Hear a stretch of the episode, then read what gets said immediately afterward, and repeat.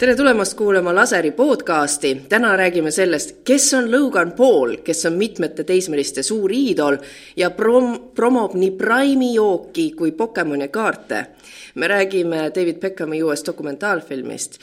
ja me räägime sellest, kuidas kooli vaheajal võiks õhku puhtamana hoida ja kuidas linnas üleüldse kõige tõenäolisemalt ei tapa sind karu ega kokaiin, vaid hoopiski must õhk stuudios on Marii Karell. ja Piret Tali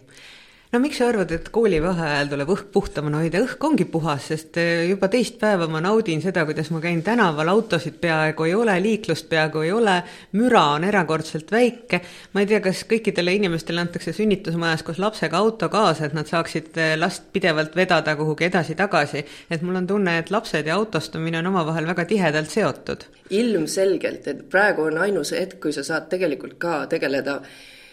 Instagramis ja siis TikTokis ülipopulaarse tegevusega ja teha silent walk'i. see tähendab seda, et sa kõnnid linnas ilma kõrvaklappideta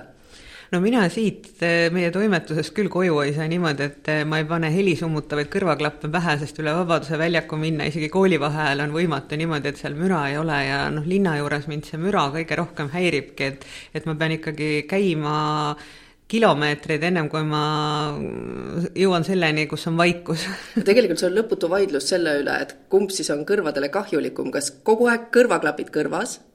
või siis see linnamüra. ja teadlased on välja selgitanud, et kõrvaklapid kõrvas on ohutum kui linnamüra. ja võib-olla me ei ole harjunud mõtlema selles kategoorias, et linnamüra on tegelikult ka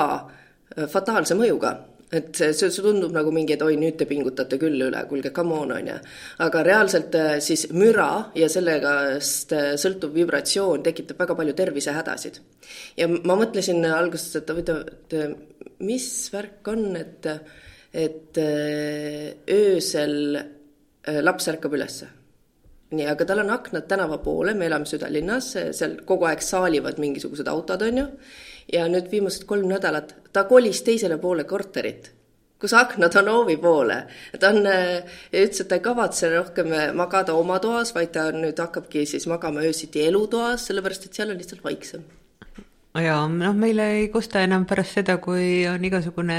liiklus Venemaa suunal kinni pandud ja ja siis äh, Telliskivi raudtee ülesõidul vaguneid ei kolistata, on müra oluliselt vähem Kalamajas. aga, aga mina olin väga üllatunud, kui ma liikuvusuuringut lugesin ja selgus, et äh, Eestis inimesed kasutavad autosid palju vähem, kui siiamaani on arvatud. Ja selgus, et ikkagi üllatavalt palju kasutatakse ühistransporti ja ühistranspordi kasutajad on ikkagi suures osas ka noored ja lapsed ja sugugi mitte igas perekonnas, nii linnas kui maal ei ole autot, et see oli nagu täiesti mis uuring see oli, see ei ole võimalik, see on mingi sa oled lugenud uuringut, mis on tehtud, ma arvan, kolmkümmend viis aastat tagasi. ei, see, see avaldati eile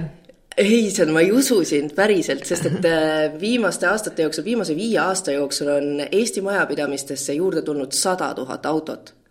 ja, ja võib Tallinna majapidamistes on see autoprotsent iga aastaga aina suurenenud ja see on okei okay,, et no hästi, armastame autosid, on ju, davai, nii, aga autod kõige rohkem äh, siis kogunevad linnadesse ja mis siis linnades nagu peaks tegema, et see autostumine ei tekitaks inimestele tervisehädasid. et äh, päriselt ka seostatakse siis äh, autode hulka ja saastunud linnaõhku näiteks imikute kopsuhaigustega. ja sellega seoses Stockholm oli niivõrd innovaatiline, et nemad keelasid kesklinnas sisepõlemismootoriga autod ära ja see keeld hakkab kehtima õhukvaliteedi parandamiseks nüüd siis aastast kaks tuhat kakskümmend viis. ja ma ei kujuta ette, kas me Eestis oleks valmis, et aasta pärast meil kesklinnas ei sõidaks sisepõlemismootoriga autosid siin, bensiini- ja diiselautosid. et me tegelikult ei ole ju valmis sellekski, et nad sõidaks kesklinnas kiirusega kolmkümmend kilomeetrit tunnis. see tundub nagu mingisugune inimõiguste ahistamine, kui sa ütled, et kuulge, siin on palju inimesi, nad, siin on vanurid, koerad, lapsed, nad kõik võivad hüpata teele, tõmmake kiirus maha, on ju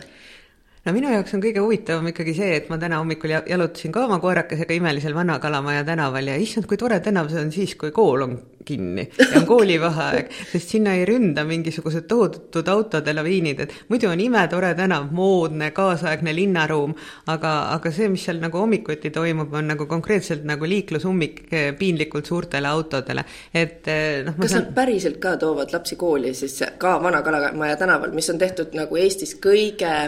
ma ütleks, noh, moodsam linnaruumi tänav üldse, seal on autodele jäetud üks rada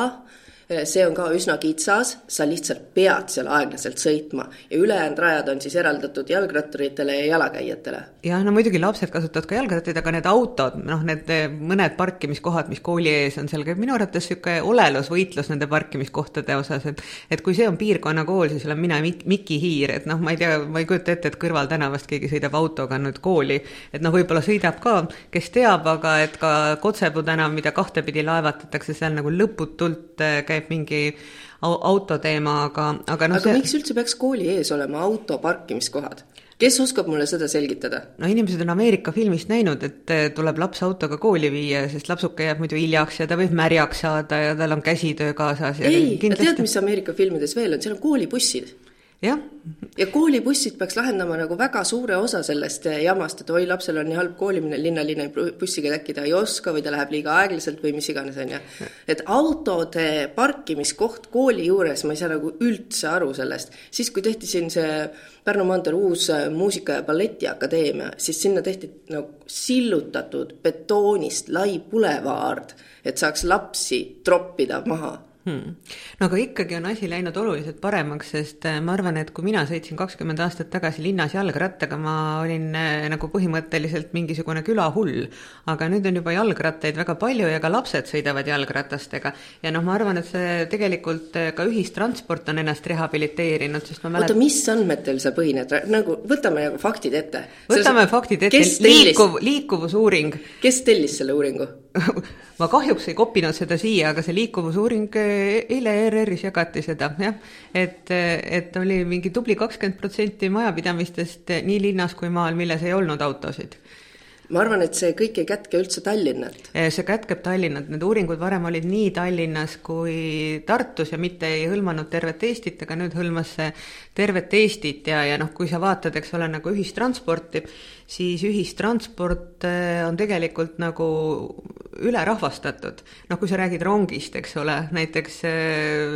linnadevahelised rongid äh, on puupüsti rahvast täis või, või kui sa sisened pärast kella viite mõnda trammi, siis on see ikkagi ka nagu päris kõvasti rahvast täis, et noh, minu arvates inimesed on kuidagi ikkagi avastanud selle, kui varem oli ühistranspordil ka väga halb maine, et umbes, et sa saad sealt täid ja seal sõidavad ainult assakad ja ma ei tea, mis kõik veel, siis, siis praegu ikkagi noh, inimesed täiesti rõõmsalt kasutavad seda. Piret, eks see ei tähenda seda, et autosid on Tallinnas vähem, et need autosid ei ole, ei ole vähem, sest ei inimene on seotud. autostunud eh, ja Eestis on auto staatuse sümbol, et sul võib isegi kodu olla mingisugune korter, kus on üks nael seinas, aga auto peab olema nagu viimase peal niisugune suur ja raske ja ja, ja piinlikult võimsa mootoriga. et see, et linna on tulnud lihtsalt rohkem inimesi elama, see ei, see ei tähenda seda, et et ühistranspordi populaarsus on tõusnud. et see, et bussid on inimesi täis, see ei tähenda seda, et inimesed sõidavad rohkem bussidega, vaid seda, et bussigraafikud on nii hõredad, et nad lihtsalt on sunnitud sinna ühe peale kõik ennast pressima. et äh, just pühapäeval üritasin minna Suur-Paala tänavale, kuhu sõidab tramm ideaalselt nagu ühe maja eest teise ette, mitte mingit probleemi ei ole. välja arvatud see, et tramm sõidab väga-väga aeglaselt tramm on üks kõige aeglasemalt sõitvaid transpordiviise üldse Tallinnas ja see on suurepärane, et tal need peatused kõik on, aga trammi liikumiskiirus on selle tõttu nii aeglane, et ta on sunnitud ka iga foori taga lisaks peatustele peatuma. ja see võtab ta kiiruse nii maha, et kui ma võrdlesin eh, nagu ühte juppi, mida ma pidin läbima, siis autoga ma sain üheteist minutiga, aga trammiga ma oleks pidanud nelikümmend viis minutit kulutama. no aga võtame liiklusummikus ainus, mis, millega sa seal edasi pääsed, on tramm. see on tõsi. jah, sest äh, kokkuvõttes isegi kui hakata kella viiest või kella kuuest siit liikuma näiteks äh, number kuus trammiga, mis on väga haruldane, ta käib nii harva, et sul on puhas rõõm iga kord, kui sa number kuut trammi näed. ja, ja, ja siis äh, põhimõtteliselt tegelikult on juba trammitee kinni pargitud Vabaduse väljakul ja, ja rääkimata Viru väljakust aga noh, me läheme nende autode juurest edasi, et täna on Laseris... oot, oot, ma tahan ah., ei, ma tahan siiski rääkida, mis rääkida... Stockholm, mis Stockholmis veel tehti, selles no. mõttes, et et tõepoolest, et see kõik, et aa, autosid on palju, me võime siin ohkida, on ju, ja rääkida nagu seda äh, juttu, aga tegelikult on olemas päris meetmed olemas, on ju. et meil on ka praegu koolivaheaeg, et äh, miks mitte näiteks kooli vaheajal äh, on koolide juures enamasti on mingisugused äh, spordimänguväljakud, on ju. nii, esimene asi, äkki teeme need spordimänguväljakud lahti lastele, et nad saaksid seal vaheaega, vaheajal mängida, et äkki need ei pea olema tabalukuga kinni ja neid ei peaks sealt eemale ajama. korralikud vanemad on Egiptusesse viinud oma lapsed ju. see on omaette teema, see on omaette teema. nii,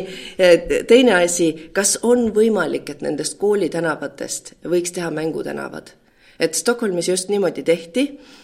ja koolitänavatel on autod reaalselt keelatud, et seal ei ole küsimus sellest, et kaotame ära nagu mõned parkimiskohad, mis nagu lõpeb Tallinnas tõenäoliselt sellega, et siis pargitakse kõnniteele või, või rattateele ja kedagi ei huvita, aga et lastele on tegelikult liikumist vaja neile on vaja lisaks trennile ka sellist täiesti tavapärast mängimist, jooksmist, liikumist kodu ja kooli vahel ja seetõttu, et julgustada rohkem lapsi liikuma, siis mm, autokeelud äh, hakkasid mängutänavatel, mm, hakkavad seal kehtima ja esmalt testina ja seejärel hinnatakse, et kas on võimalik, et need äh, võiks muutuda püsivaks. ja ma mäletan, et äh, suvel oli ju ka siin Tallinnas Rävala puiesteel autovaba siis paar nädalat ja üles olid pandud kossuplatsid välikino ja veel mingisugused mängualad. Ja siis, kui see on nagu ajutiselt tekitatud, on ju, siis see siis see enamasti on oo, lähme vaatame, lähme vaatame, siis see lõpeb sellega, et sul on kohe nagu kossurõngas katki. Sest et inimesed ei ole harjunud, et selline asi on tehtud, aga tegelikult see peaks ju olema mõistlik, et äh, koolide ümbruses on äh, siis äh, autodele keeluala no ma muidugi tahaks näha seda utoopilist varianti, kui see Inglise kolledž ja reaalkool suudaks siia mingisugused asjad äh, luua, aga et noh, sama asi on ka tegelikult ju koolide sees ja koolide äh, ümbruses, et seal puudub võimalus liikumiseks, et ainus, mida siis äh, noored tahavad teha vaheajal, et kui ei ole seal neid pingsilaudu või keksukaste või mingeid ronimis- ja tasakaalu asju, et siis nad istuvad mõistagi istuvad telefonis. istuvad telefonis ja avastavad sealt nagu igasuguseid lolluseid, on ju. jah selleni me just jõuame aga see oleks nagu revolutsiooniline, kui reaalkooli ja Inglise kolledži ümber, mis asub südalinnas, muudetakse vähemalt siis autode liikumiskiirus aeglaseks, on ju, aga ideaalis autode keeluala, sest ma käisin seal selle müramõõturiga, on ju. et see on kooli ümbrus, lapsed peaksid seal mängima, nad peaksid siis oma vaba aega sisustama, et nad saavad olla värskes õhus. ja kui seal isegi müra on üle seitsmekümne detsibelli pidevalt, samal ajal kui äh, rahvusvahelised uuringud soovitavad, et üle viiekümne viies ei ole tervislik, on ju, siis äh, kui palju seal on siis erinevaid peenosakesi, PM kaks koma viis, PM kümme, on ju, kui palju seal on tegelikult seda õhusaastet, mis sa hingad nagu pidevalt kopsu. et see ei ole, see ei ole naljaasi ja see on äh, nagu teatud muutus meie peas, mis me peame tegema, et aru saama, et see ei ole ainult äh, mingisugune mugavusteenus, see auto, vaid see reaalselt põhjustab mitmeid tervisehädasid, alustades sellest, et me harjutame lapsed mitte liikuma ja lõpetades sellest, et nad lihtsalt hingavad seda musta õhku endale sisse. Jah, ma loodan, et sa selle müramõõturiga sooritad ka sinna sisseastumisvestlustele väikse treti ja räägid vanematele, et kas see on nagu see koolikeskkond, mida nad oma lapsele soovivad et eh, kõik, kes eh, on astunud, ma ei tea, palju seal konkurss on kohale mingi? kaks tuhat last, ma just küsisin neilt koolist, tegin mingit teist lugu, rääkisin matemaatika lõpueksamitest, on ju, ja siis oli, et et kui palju teil eelmisel kevadel siis lapsi soovis astuda teie eliitkoolidesse, siis noh, eliitkoolidesse soovib kaks tuhat last astuda, aga vastu võetakse mingi sada viiskümmend, jah? see on metsik. no kõik tahavad sinna mürarikkasse keskkonda, mis muud kesklinna ikkagi. no vot ja siis, kui sul ei ole seal äh, mürarikkas keskkonnas nagu midagi teha ja sa istud telefonis, siis sa hästi ruttu avastad enda jaoks Logan Pauli. Sest ma olin nagu täiesti hämmastunud, kui me eelmisel nädalal ähm, siis jõudsime montaažilugudega, mis puudutavad äh, Prime'i jooki, mis on üks keemiajook, millest me kohe jõuame rääkida, ja mm, Pokemoni mängukaarte. Ja siis äh, kirjutas monteerija Rait ja ütles, aa, meil on mingi Logan Pauli saade või? Ja siis ma küsisin, oota, aga kes see Logan Paul üldse on kes on Logan Paul, Piret, sina tead palju paremini? jaa, ma, ma tean küll Logan Pauli selles mõttes, et mingil hetkel mind rulliti selles mõttes kodus, et äh, kuna Logan Paul väga palju Youtube'is teeb kakatoo õlal igasuguseid asju, siis meil oli ka vahepeal hirmsasti vaja kakatood, aga, aga ta on Ameerika äh, siis vabavõitleja või, või poksija,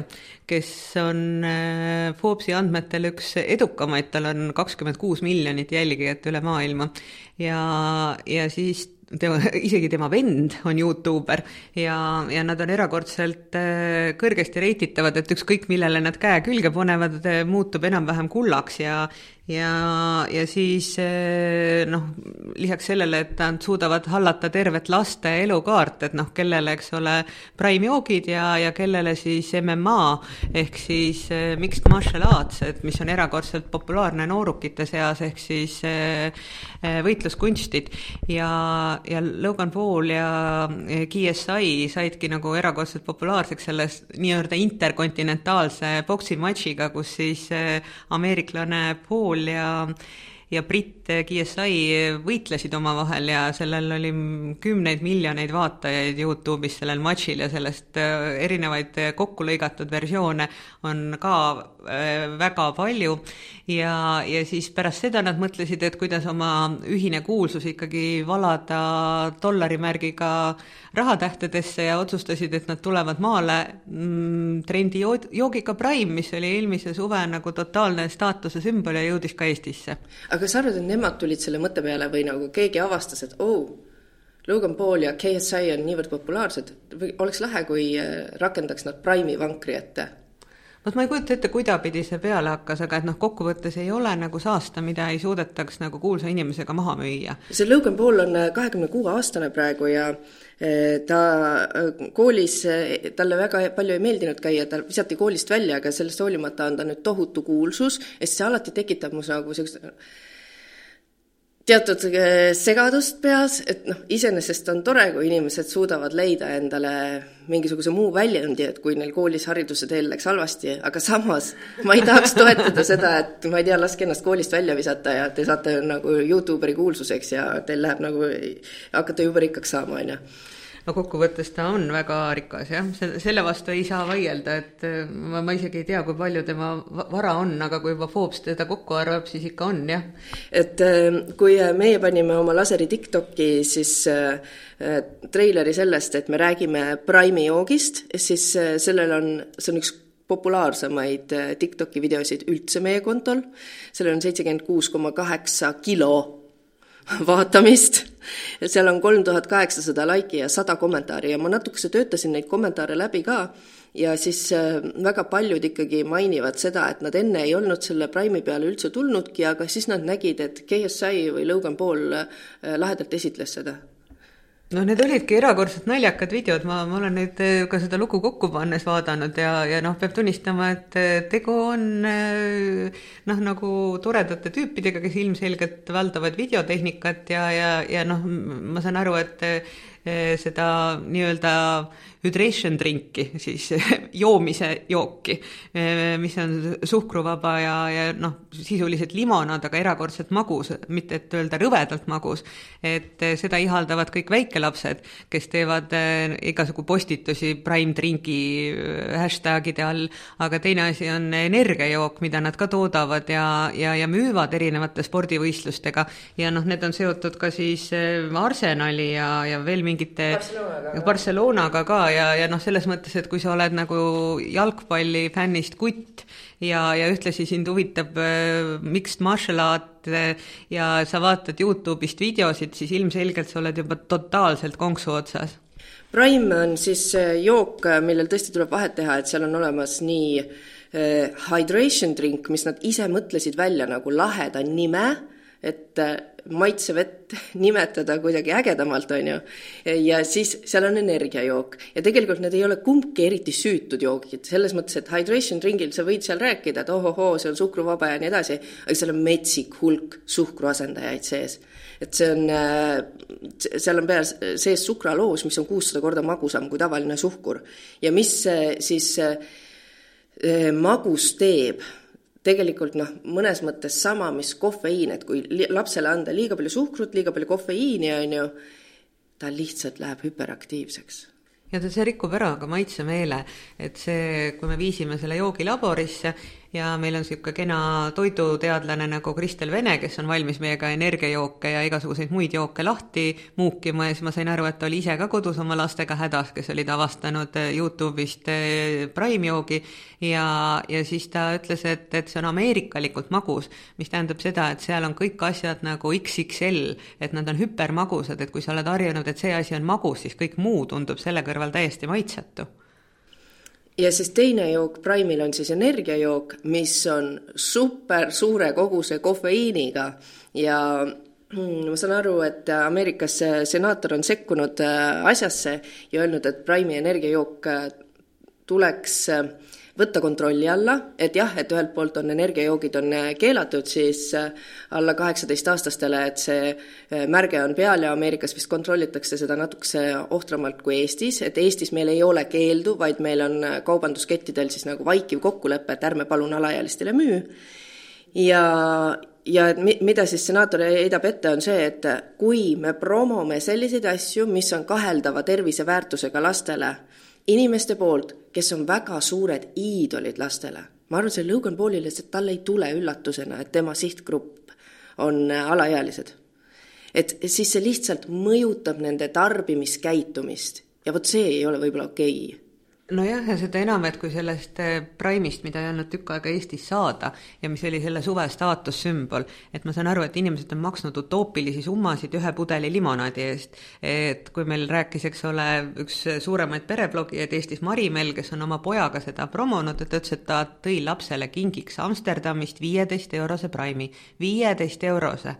palju saab maksta pooleliitrise limonaadi eest ja ja sa, minu arust see peaks olema ettevaatlik, et sa nimetad seda limonaadiks. sest limoon on seotud mingisuguse mõnusa pehme asjaga, mida sa kord kuus jood kellegi sünnipäeval, on ju no mõned joovad sagedamini kui kord kuus. aga see ei ole okei okay,, et sa ei tohiks limonaadi juua ka kord nädalas võib-olla, sest et noh, sa lihtsalt harjutad oma keha selle metsiku suhkrukogusega ja limonaadi on kerge tarbida, see tähendab, et kui sa ei pane tähele, kui palju sa seda jood korraga, siis võib juhtuda, et sa lihtsalt äh, saad liiga palju suure, liiga suure suhkrukoguse. aga no võib-olla see ongi nagu mingisugune niisugune hüper-hüperameerikalik, et kui ma vaatan seda kofeiinisisaldust selles Prime energiajoogis, siis see on võrdne kuue purgi Coca-Colaga või siis kahe Red Bulliga. et noh, kui me jõudsime järeldusele, et see kofeiinisisaldus on nagu suurem kui kõikides väga kõrge kofeiinisisaldusega energiajookides Eestis. ja noh, tegelikult on nagu väga hämmastav see, et kui me hakkasime seda lugu tegema ja ma läksin siiasamasse Solarisse seda ostma, seal on selline tore kommipood, Candy Pop, mis on nagu alati puupisti noori täis, siis selgus, et sealt ei olnud võimalik enam seda hydration drink'i saada, sest see oli müügilt ära korjatud ehk et ära oli korjatud siis nii-öelda äh, süüt, süütum, süütum, mis ei ole ka süütu, aga müügil oli jätkuvalt energiajook ja siis see tekitas ka küsimusi, et kuidas see nii läks. ja,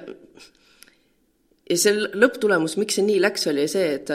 sinna hydration drink'i peale on kirjutatud inglise keeles, et see ei ole sobilik lastele. tähendab, hästi kõvasti ütlen nüüd seda, on ju, et palun kuulake kõik, kes te olete näinud, et teie laste trennis Prime'i joogiga käiakse ringi, jagatakse seda nagu, ma ei tea, jointi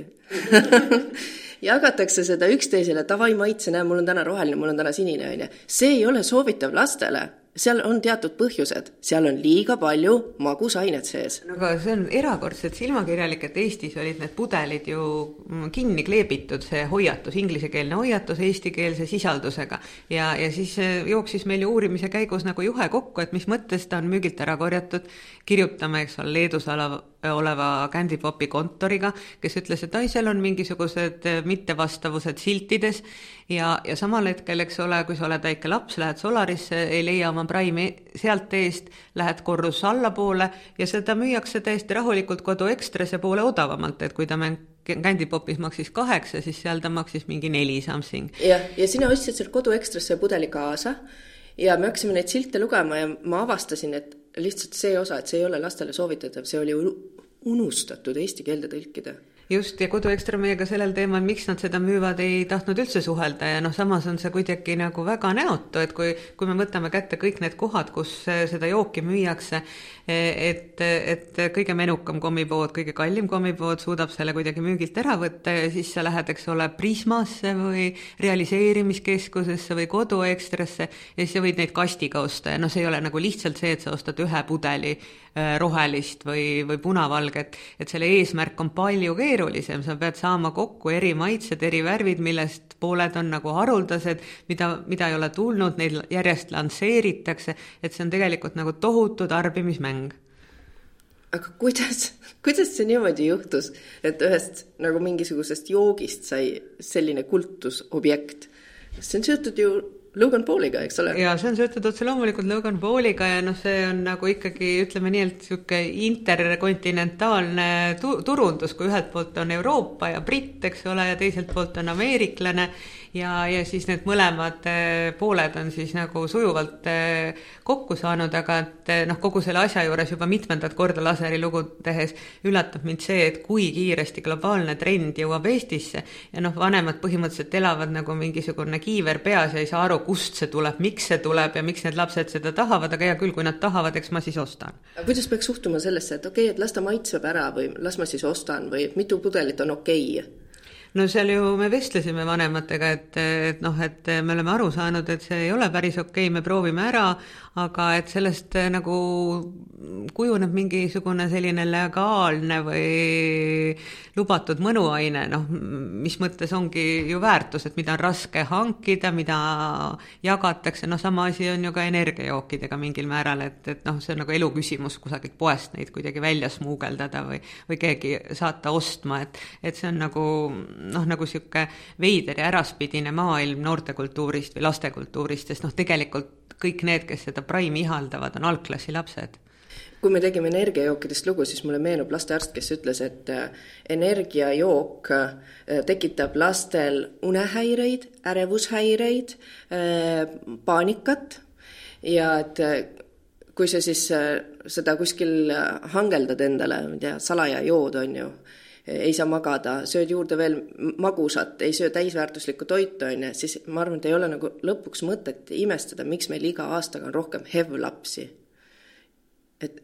koolides nad ütlevad, et meil on iga aasta suurem probleem sellega, et lapsed ei suuda keskenduda. ja mhm. kogu aeg tuleb leida keegi, kes tegeleb eraldi HEV-lastega ja ma, see on, ma arvan, omaette uurimisteema, et kas me lihtsalt suudame seda HEV-i paremini diagnoosida või see on äh, elustiiliga seotud haigus, mis on siis äh, osalt saab algust sellest, et sa kogu aeg sotsiaalmeedias scroll'id ja siis saad mingisugust uut äh, impulssi endale peale ja siis jood energiajooki ja sööd palju magusat ja hamburgereid. No teisest küljest on see ka mingis mõttes noh, ma, ma ei taha kuidagi alaväärtustada tõsiseid HEV-lapsi, aga et see on mingis mõttes ka selline äh, noh, käitumislik ja, ja suhtlemiskultuuri osa, et kui Eestis nagu on hästi levinud perekondades noh, nagu vastastikune vägivaldne ärapanemine või see, kuidas inimestest räägitakse, on ärapanev või mida iganes, et see kuidagi kandub kooli edasi ja ma ei tahaks olla tänapäeval ühegi õpetaja nahas, et et kes peab sellega toime tulema, et selline halb kliendisuhe, et laps tuleb sinna ja ütleb, et kuule, sa oledki loll, et sul on üleüldse koledad tossud ka ja ma ei kavatse su tunnis mitte midagi õppida, siis ma ei tea, kas see on nagu kasvatuslik küsimus või see on HEV küsimus.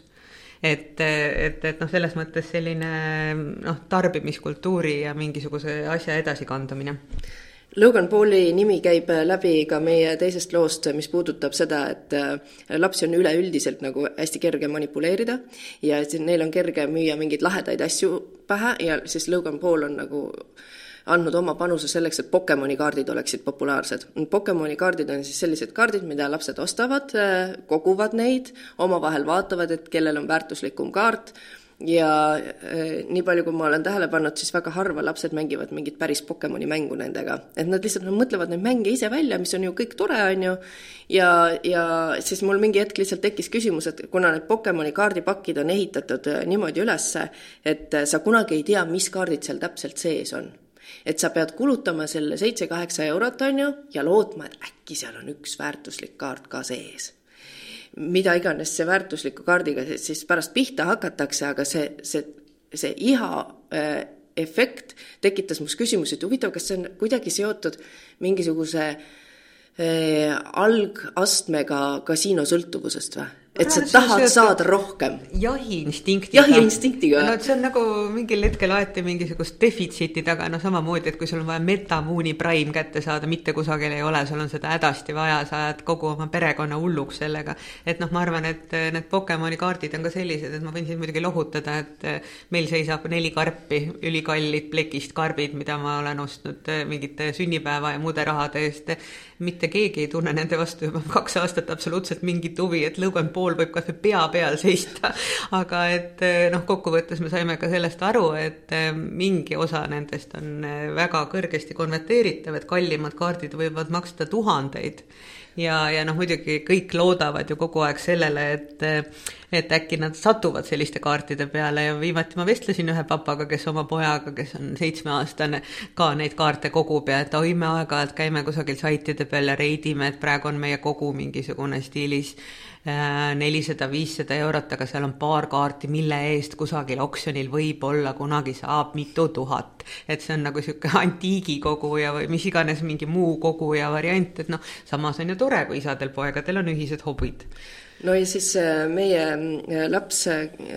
sattus Läti reisil olles Pokemoni kaardi peale, mis oli Plekkarbis müügilavas oh, ja tal oli täpselt see sünnipäevaraha, ütles, mul niisugust karpi ei ole, ma tahaks osta. me olime kuskil nagu stiilis Vabaõhumuuseumi väravas, on ju, nojah, et kui sa nagu ise arvad, et see on praegu nagu põhjendatud, saad aru, et see on kuus eurot, on ju, mis sa veel selle eest saaks, et sa läbid kõik need vestlused, on ju mm. -hmm ja siis ta ostis selle kaardi, et ta oli nii õhine, et ta sai oma sünnipäevaraha eest ostis, osta no ihaldatud Pokemoni kaardid. Ja kui ta selle lahti tegi, siis ta sai aru, et see on fake. Ja ta oli ikka väga mitu tundi muserdunud, et ta oli niimoodi petta saanud. Ja siis ma hakkasin küsima, et aga kuidas sa aru saad, et see fake on, on ju? Hmm.. ja me hakkasime koos guugeldama, et mida need, miks üldse fake Pokemonid on tehtud. ja siis selgus, et see, see on sama suur äri nagu illegaalsete narkootikumide äri lihtsalt, et kui sa fake Pokemoni kaarte toodad, siis tõenäosus, et sa reaalselt karistada saad,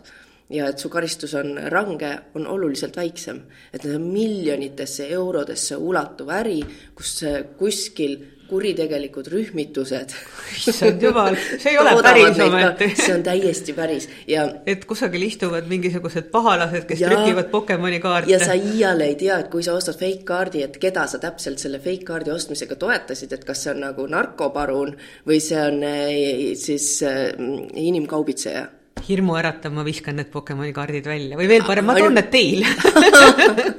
Ja siis me saame sorteerida ja vaadata, et äkki meil on ka seal mõni Pokemoni kaart nende sinu omade seas, mida sa lihtsalt ära ei tundnud, aga mis tegelikult maksab kolmkümmend viis tuhat eurot. ma arvan, et see ongi kogu selle asja mõte.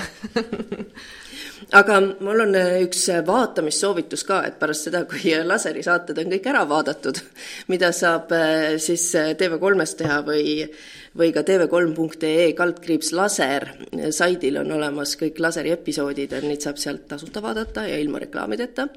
et siis. võib vaadata ka lastega, vanavanematega koolides, siis teil on mitmel põlvkonnal parem üksteisest aru saada, on mulle korduvalt öeldud erinevatel kokkusaamistel. aa, see on tore, see on tore, nii, aga siis mul on veel üks vaatamas, vaatamissoovitus, Netflixis jookseb parasjagu Beckhami äh, dokumentaalseriaal. Äh, David Beckhami ja siis justkui karjäärist ja sellest, kuidas nad äh, Victoria Adamsiga kokku said, Bosch Spice'iga, kuidas oli nende armulugu. Ja see on juba Netflixis väga populaarseks tõusnud, ta, inimesed vaatavad seda. Ja kui ma vaatasin, siis mul ei ole raske aru saada, miks. see on üks parimaid äh, asju, mida ma üldse näinud olen, see on imeliselt komponeeritud, see, sa võid võtta selle ette ja siis vaadata nagu sekundi ja kaadri kaupa, et mida nad tegid, et see nii hästi mõjub, seal on suurepärane komponeerimine, seal on väga hea režiilahendus, hulgaliselt arhiivikaadreid, tohutult emotsioone, mida sa tekitad sellega, et kas jalgpallimängus läheb hästi või halvasti, kas isiklikus elus läheb hästi või halvasti. Ja see on äh, ühelt poolt meelelahutuslik vaatamine ja teiselt poolt äh, nagu tõesti väga-väga hästi lahendatud dokumentaal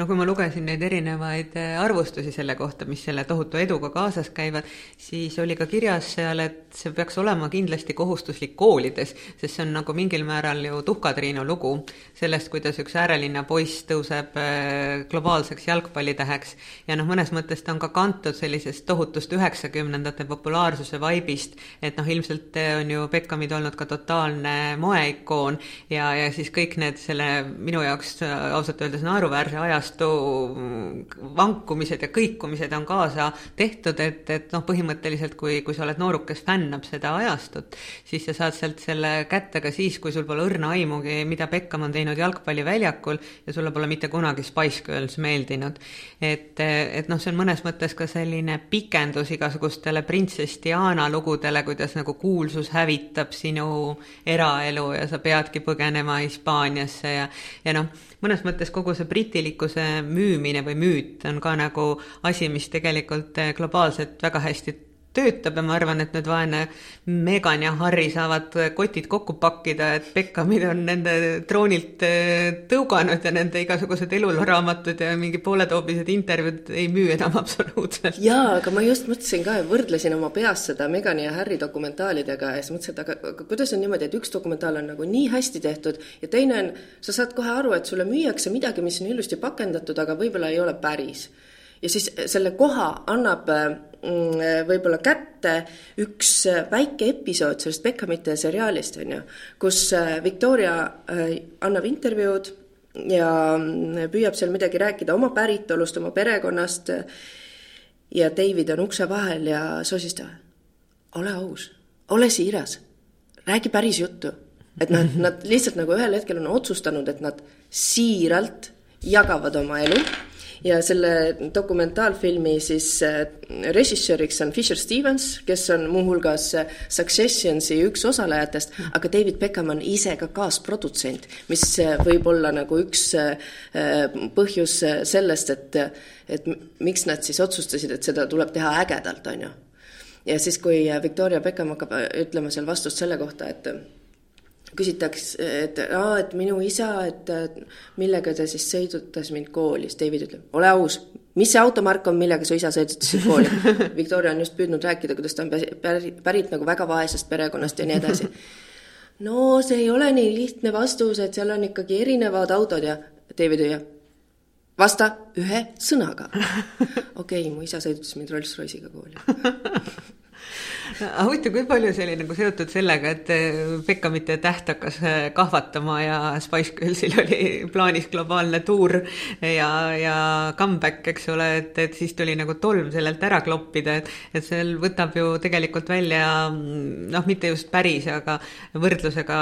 Eesti nagu Lõvide meeskonna dokfilmiga, et mis oli nagu nukram ja võib-olla mitte nii glamuursem, aga, aga ja, ja mitte ka nii menukas, aga põhimõtteliselt rääkis ju mõnes mõttes samast ajastust, kuidas jalgpalli kaudu on eh, mingid tegelased ennast globaalsele areenile rebinud, noh et minu jaoks ei ole Mart Poom sugugi kehvem mees kui David Beckham. Jah, jääme põnevusega ootama tema dokumentaali, on ju. aga tead, mis eeldus on, Mart Poom peaks olema ka nagu kaasprodutsent? ei, popartistiga abielus aga tal on poeg peaaegu popartist. just, ja siis on see tohutu hulk äh, isiklikku arhiivi, mis seal näidatakse, mis on siis nagu Bosch Spice'ide poolt filmitud, teiselt poolt David Beckhami siis isa on, äh, omab tuhat kolmsada või tuhat nelisada ähm, siis erinevat mängu, mida siis äh, David Beckham on väiksena mängitud ja seal on üks koht, issand, ma ei tohi kõike seda filmi ära rääkida, sest päriselt nagu vaadake. mitut osa sa oled näinud kõike? ma olen kahte osa näinud ja neli no. osa on üldse kokku, aga seal on üks koht, mis on nagu suurepäraselt see ei riku ära elamust, mhm. see, mis ma praegu hakkan rääkima, on ju. see on suurepäraselt monteeritud, kus äh, David Beckham peab minema siis äh, nurgalööki sooritama, see on väga oluline nurgalöök, on ju. ja siis küsitakse, aga mida sa mõtlesid sellel hetkel, kui sa sinna läksid, siis ta ütles, et ma mõtlesin kõikide nende isa sõnade peale, kus ta mul käskis neid nurgalööke üha ja üha teha ja ütles, et nurgalöök võib muuta ajalugu. ja siis sinna vahele on monteeritud siis väikese Davidi siis koduvideo, kus ta teeb siis ühe nurgalöögi ja siis teise nurgalöögi, siis kolmanda nurgalöögi, siis on näha, kuidas suur David Beckham läheb nurgalööki sooritama, siis läheb uuesti tagasi selle väikse Beckhami juurde, ta teeb nurgalöögi, siis ta isa vaatab aknast välja jalgpallistaadioni poole, seal väike kui ta oli, siis ta tegi sealt neid nurgalööke. Ja see moodustab nagu niisugune võimsa kombo ma, see üllatab mind totaalselt, et sul mingi jalgpalli peale nagu mul ei ole jalgpallist on täitsa ükskõik. mingi aga... Manchester United, Inglise liiga, trallallaa, sellega tegelevad ju mingid hoopis, hoopis teised tüübid, aga väike David Beckham, sa vaatad Neimarit ka või Zlatanit? Zlatan Ibrahimovic on te-, temast on tehtud ka superdokk nagu hmm., et ma ei tea, seal on nagu ma olen ainult Lelluloo raamatut lugenud, see oli küll igav. no vot, aga dokk oli super, aga seal David Beckham, oo, seal on üks äge koht veel, seal on üks koht, jutt sellest, kus David Beckham teeb äh, tuhande üheksasaja üheksakümne kaheksanda aasta siis äh, maailmameistrivõistlustel äh, Argentiina vastu, nad lähevad Diego Simeonega raksu ja ta lööb tagajalga David Simeonet ja saab punase kaardi selle peale. ja sellest algas nagu Inglismaal selline tohutu Beckhami vihkamine, teda häbistati avalikult ja ma üldse ei mäletatud, mäletanud, et see nii suur värk oli. huvitaval kombel mina seda isegi mäletasin, et see oli mingil hetkel, kui umbes pooled meened olid tema pildiga trükitud, aga siis kõik otsustasid, et ta on loll. ja, ja, ja ta tohutult põdes seda ja siis ma mõtlesin, et okei okay,, huvitav, kas meie peaminister Kaja Kallas praegu tunneb sama see oli küll päris nagu pöörane hüpe, aga, aga miks mitte, aga kas sa kujutad ette, et peaminister istub mingis autos ja siis ukse taga on tohutud fännide armeed, kes ei ole EKRE-st ja siis ütleb boo. ma ei tea, aga noh pr, praegu ju käib sama asi peaministriga, on ju, öeldakse palun astu tagasi, issand, see on nagu, see on andestamatu, et su -hmm. mees tegi Vene äri ja me ei kavatse seda nimetada mingiks idaäriskandaaliks, sest see pehmendab seda kõike mm -hmm. ja jätab mulje, et äkki ta ajas ma ei tea, Indiaga asju, on ju, ta ajas Venemaaga asju. võib-olla oli Jaapan. ja, ja, ja see, selle see, ja ma mõtlen nagu, mis veel hullem, mulle sellel hetkel, kui ma sain aru, et okei okay,, kas Kaja Kallas tunneb midagi sellist, mul ei olnud kahju tast hmm.. ja ma mõtlesin, et see on, mulle tundub, et ta on praegu selle ära teeninud ja et see avalik surve peabki olema praegu põhjendatult talle nii suur sest et äh, moraalselt võib-olla see ikkagi ei ole okei okay,, millega ta mees hakkama sai no tühja nendest meestest, et kõik, kogu tõde selgub Europarlamendi valimistel ja minu arvates juba erinevad väljaanded ja ajakirjanikud ennustavad, et kas tema renomee on piisavalt plekitu, et kusagil eurokoridorides jätkuvalt karjääri teha, et kas ta läheb oma idaraha skandaali ja veri idaraha, appi, ma just rääkisin, me ei tohi ma märkasin, ma märkasin, ma märkasin, aga idaraha on üldine levinud termin. et, et, et mind huvitab pigem see, et kas see kujuneb ka nagu Euroopa mõistes tefloniks või mitte, et me me võime lugeda üles kõik Skandinaavia peaministrid ja ministrid, kes on kõik astunud tagasi, sest neil moraalne kompass on paigas, aga siin moraalne kompass on pigem nagu mingisugune taskulamp sisse-välja, sisse-välja. esiteks on Vene äri ja teiseks, võib-olla suurem probleem on selles, et peaminister valetas. ja kas me oleme valmis aktsepteerima peaministrit, kes valetas? et kui me leiame, et see äri on okei okay,, ta tegi seda nii väikses mahus, ta võib-olla tõesti väljus, on ju, siis kas meie jaoks on okei okay,, et peaminister valetas? jah, see on nagu see mõte, mille me võtame jätkuvale nädalale kaasa keerame seda enda sees, kaalume oma südametunnistusel ja mõtleme, kas valetamine on ilus või ei ole. E, ja kui eelmisel nädalal oli äh, meil laseris eetris Naised Kaitseväes lugu, siis äh, ma olin siiralt üllatunud, kui palju kirju me saime, eh, ma arvan, et me ei ole mitte ühegi teema kohta vist nii palju kirju saanud vaatajatelt, kes eh, kaalusid ka seal selliseid moraalseid küsimusi, aga muuhulgas eh, saime kirju ka nendelt naistelt, kes siis olid päriselt Kaitseväes käinud ja ütlesid, et jaa, see on päris. et kõik need probleemid, mis me seal loos nägime, need on päris. päriselt ka on väga ebamugav selle vormiga, päriselt ka on seal ahistamine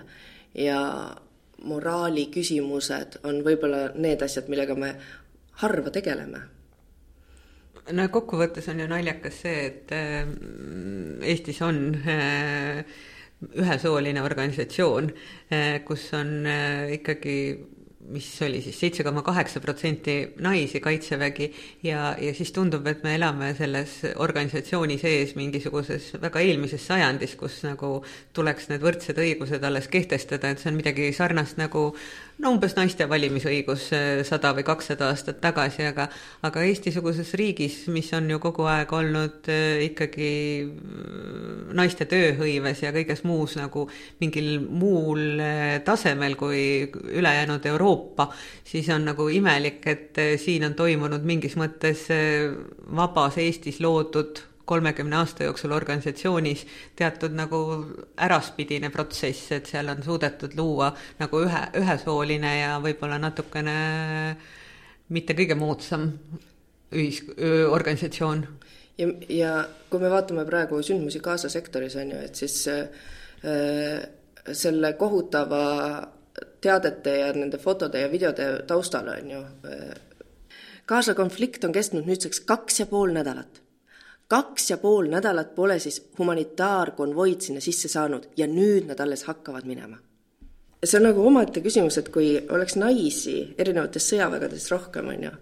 et kas siis ka toimuks vaidlus selle üle, et kas me laseme sinna vett ja mm, toitu sisse? et kas me laseme nendel tsiviilisikutel, kes on jäänud sinna piirkonda, kas me laseme neil mm, siis vaevelda või me vaatame, et äkki neil on vaja meditsiiniabi? Noh, see ongi täpselt see, et kui palju on siis eh, naisi otsustamise juures, aga et, et noh, see see, mis erinevates eh, sõdades toimub, et ma ei tea, kui palju on see siis nagu ülekantav eh, sellesse ühiskonda, mis meil on, et, et kas, kas see on nagu see, et millise vastutuse naised kusagil võtavad, et, et kas, kas ongi nagu see, et kirjutatakse ette see roll, et, et noh, niisugused reeglid on ja take it or leave it, leppige nendega või minge kuhugi mujale. või siis on see, et need reeglid on äh, inimeste järgi tehtud ja need on võimalik kohandada. et, et ongi nagu see, et äh, kas, kas äh, siis vanduda alla või, või siis hakata tegelema mingisuguste muutustega. et ma arvan, et noh, see on ikkagi kodaniku ja inimõiguse variant, et see, kui palju on naisi Kaitseliidus või Naiskodukaitses on täiesti erinev asi sellest, kui palju neid on reaalselt kaitseväes. et, et ja, ja noh, kuidas on see võimalik jätkuvalt, et, et noh, need kirjad, mis meile tulid, e, et inimesed ütlevad, et noh, kümme aastat tagasi oli see kõik nii, et see ei ole nagu kümne aasta jooksul muutunud, tundub. et, et mis siis peaks juhtuma, et muutuks ja, ja võib-olla nagu ühiskonna mõttes, et naised lihtsalt nagu mõtlevad teistmoodi või tunnevad teistmoodi ja me peaks arvestama sellega, et äh, kui pooled elanikud on naised, mida nad enamasti igal pool maailmas on, et äh, siis äh, me arvestaks selle nüansiga ja ma kuulasin täna hommikul ühte podcast'i, kus siis rääkis ema, kelle poeg läks sellele muusikafestivalile, mida Gaza sektoris siis pommitati ja kust võeti palju pantvange kaasa ja siis see intervjuu temaga algas niimoodi, et äh, mida sa tunned praegu üheksast aastas. kas sa oled ema? ja, ja mulle tundub, et nagu see küsimus äh, annab väga palju nagu võtme selle kohta ära, et miks me tahame, et naisi ja ka emasid oleks väga palju rohkem ühiskonnas, sest et et kui naised saavad emaks, siis nende empaatiavõime kuidagi veel rohkem suureneb ja sa oskad nagu arvestada ja sa oskad nagu ette kujutada palju paremini, mis ühe või teise inimese sees toimub.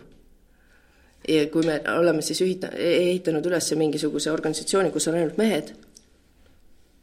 kes võib-olla ei ole isegi isad, siis see lihtsalt võib-olla ei ole kuidagi kooskõlas meie ühiskonnaga. No samas õnnestus meil leida ka kõrgem ohvitser, vahipataljoni ülem, kes oli oma kaitseväe karjääri jooksul neli korda emaks saanud. Ja, ja tema lapsed ka, mõned olid täitsa kaitseväes teeninud ja, ja noh, minu arvates oli see ka nagu tänuväärne näitaja. Ja, ja noh, kas mitte Kaitsevägi ei toonud sulle ka šokolaadi, kus olid peal kõrged pagunid lootuses, et me näeme kunagi ära selle, et Eestis ikkagi tuleb naissoost kindral või tuleb naissoost kaitseminister, juhul kui siin ei teki veel valelikke peaministreid naissoost eetilisi küsimusi on palju ja ma tahaks selle jutu lõpetada ühe sellise huvitava eetilise küsimusega, sul on koer, on ju? mul on koer. nii, kui peaks juhtuma, et sinu koer eostab teise koera millise vastutuse sa kavatsed võtta vot mul on ka kaks poega, et ma olen pigem mõelnud sellest nagu paljunemisest inimliigipõhiselt, aga ma ei ole ka mõelnud nagu selle koeraliigipõhiselt, et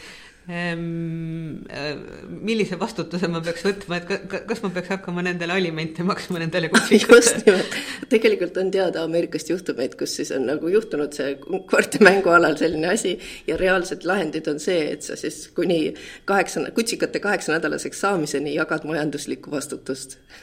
et pole selleks vaimuaimes, aga erinevatel eetilistel, moraalsetel ja muudel ühiskonda puudutavatel küsimustel me jätkuvalt räägime igal teisipäeval siin podcastis, iganädalaselt Laseri telesaates ja ka meie Youtube'i kanalis Lasertech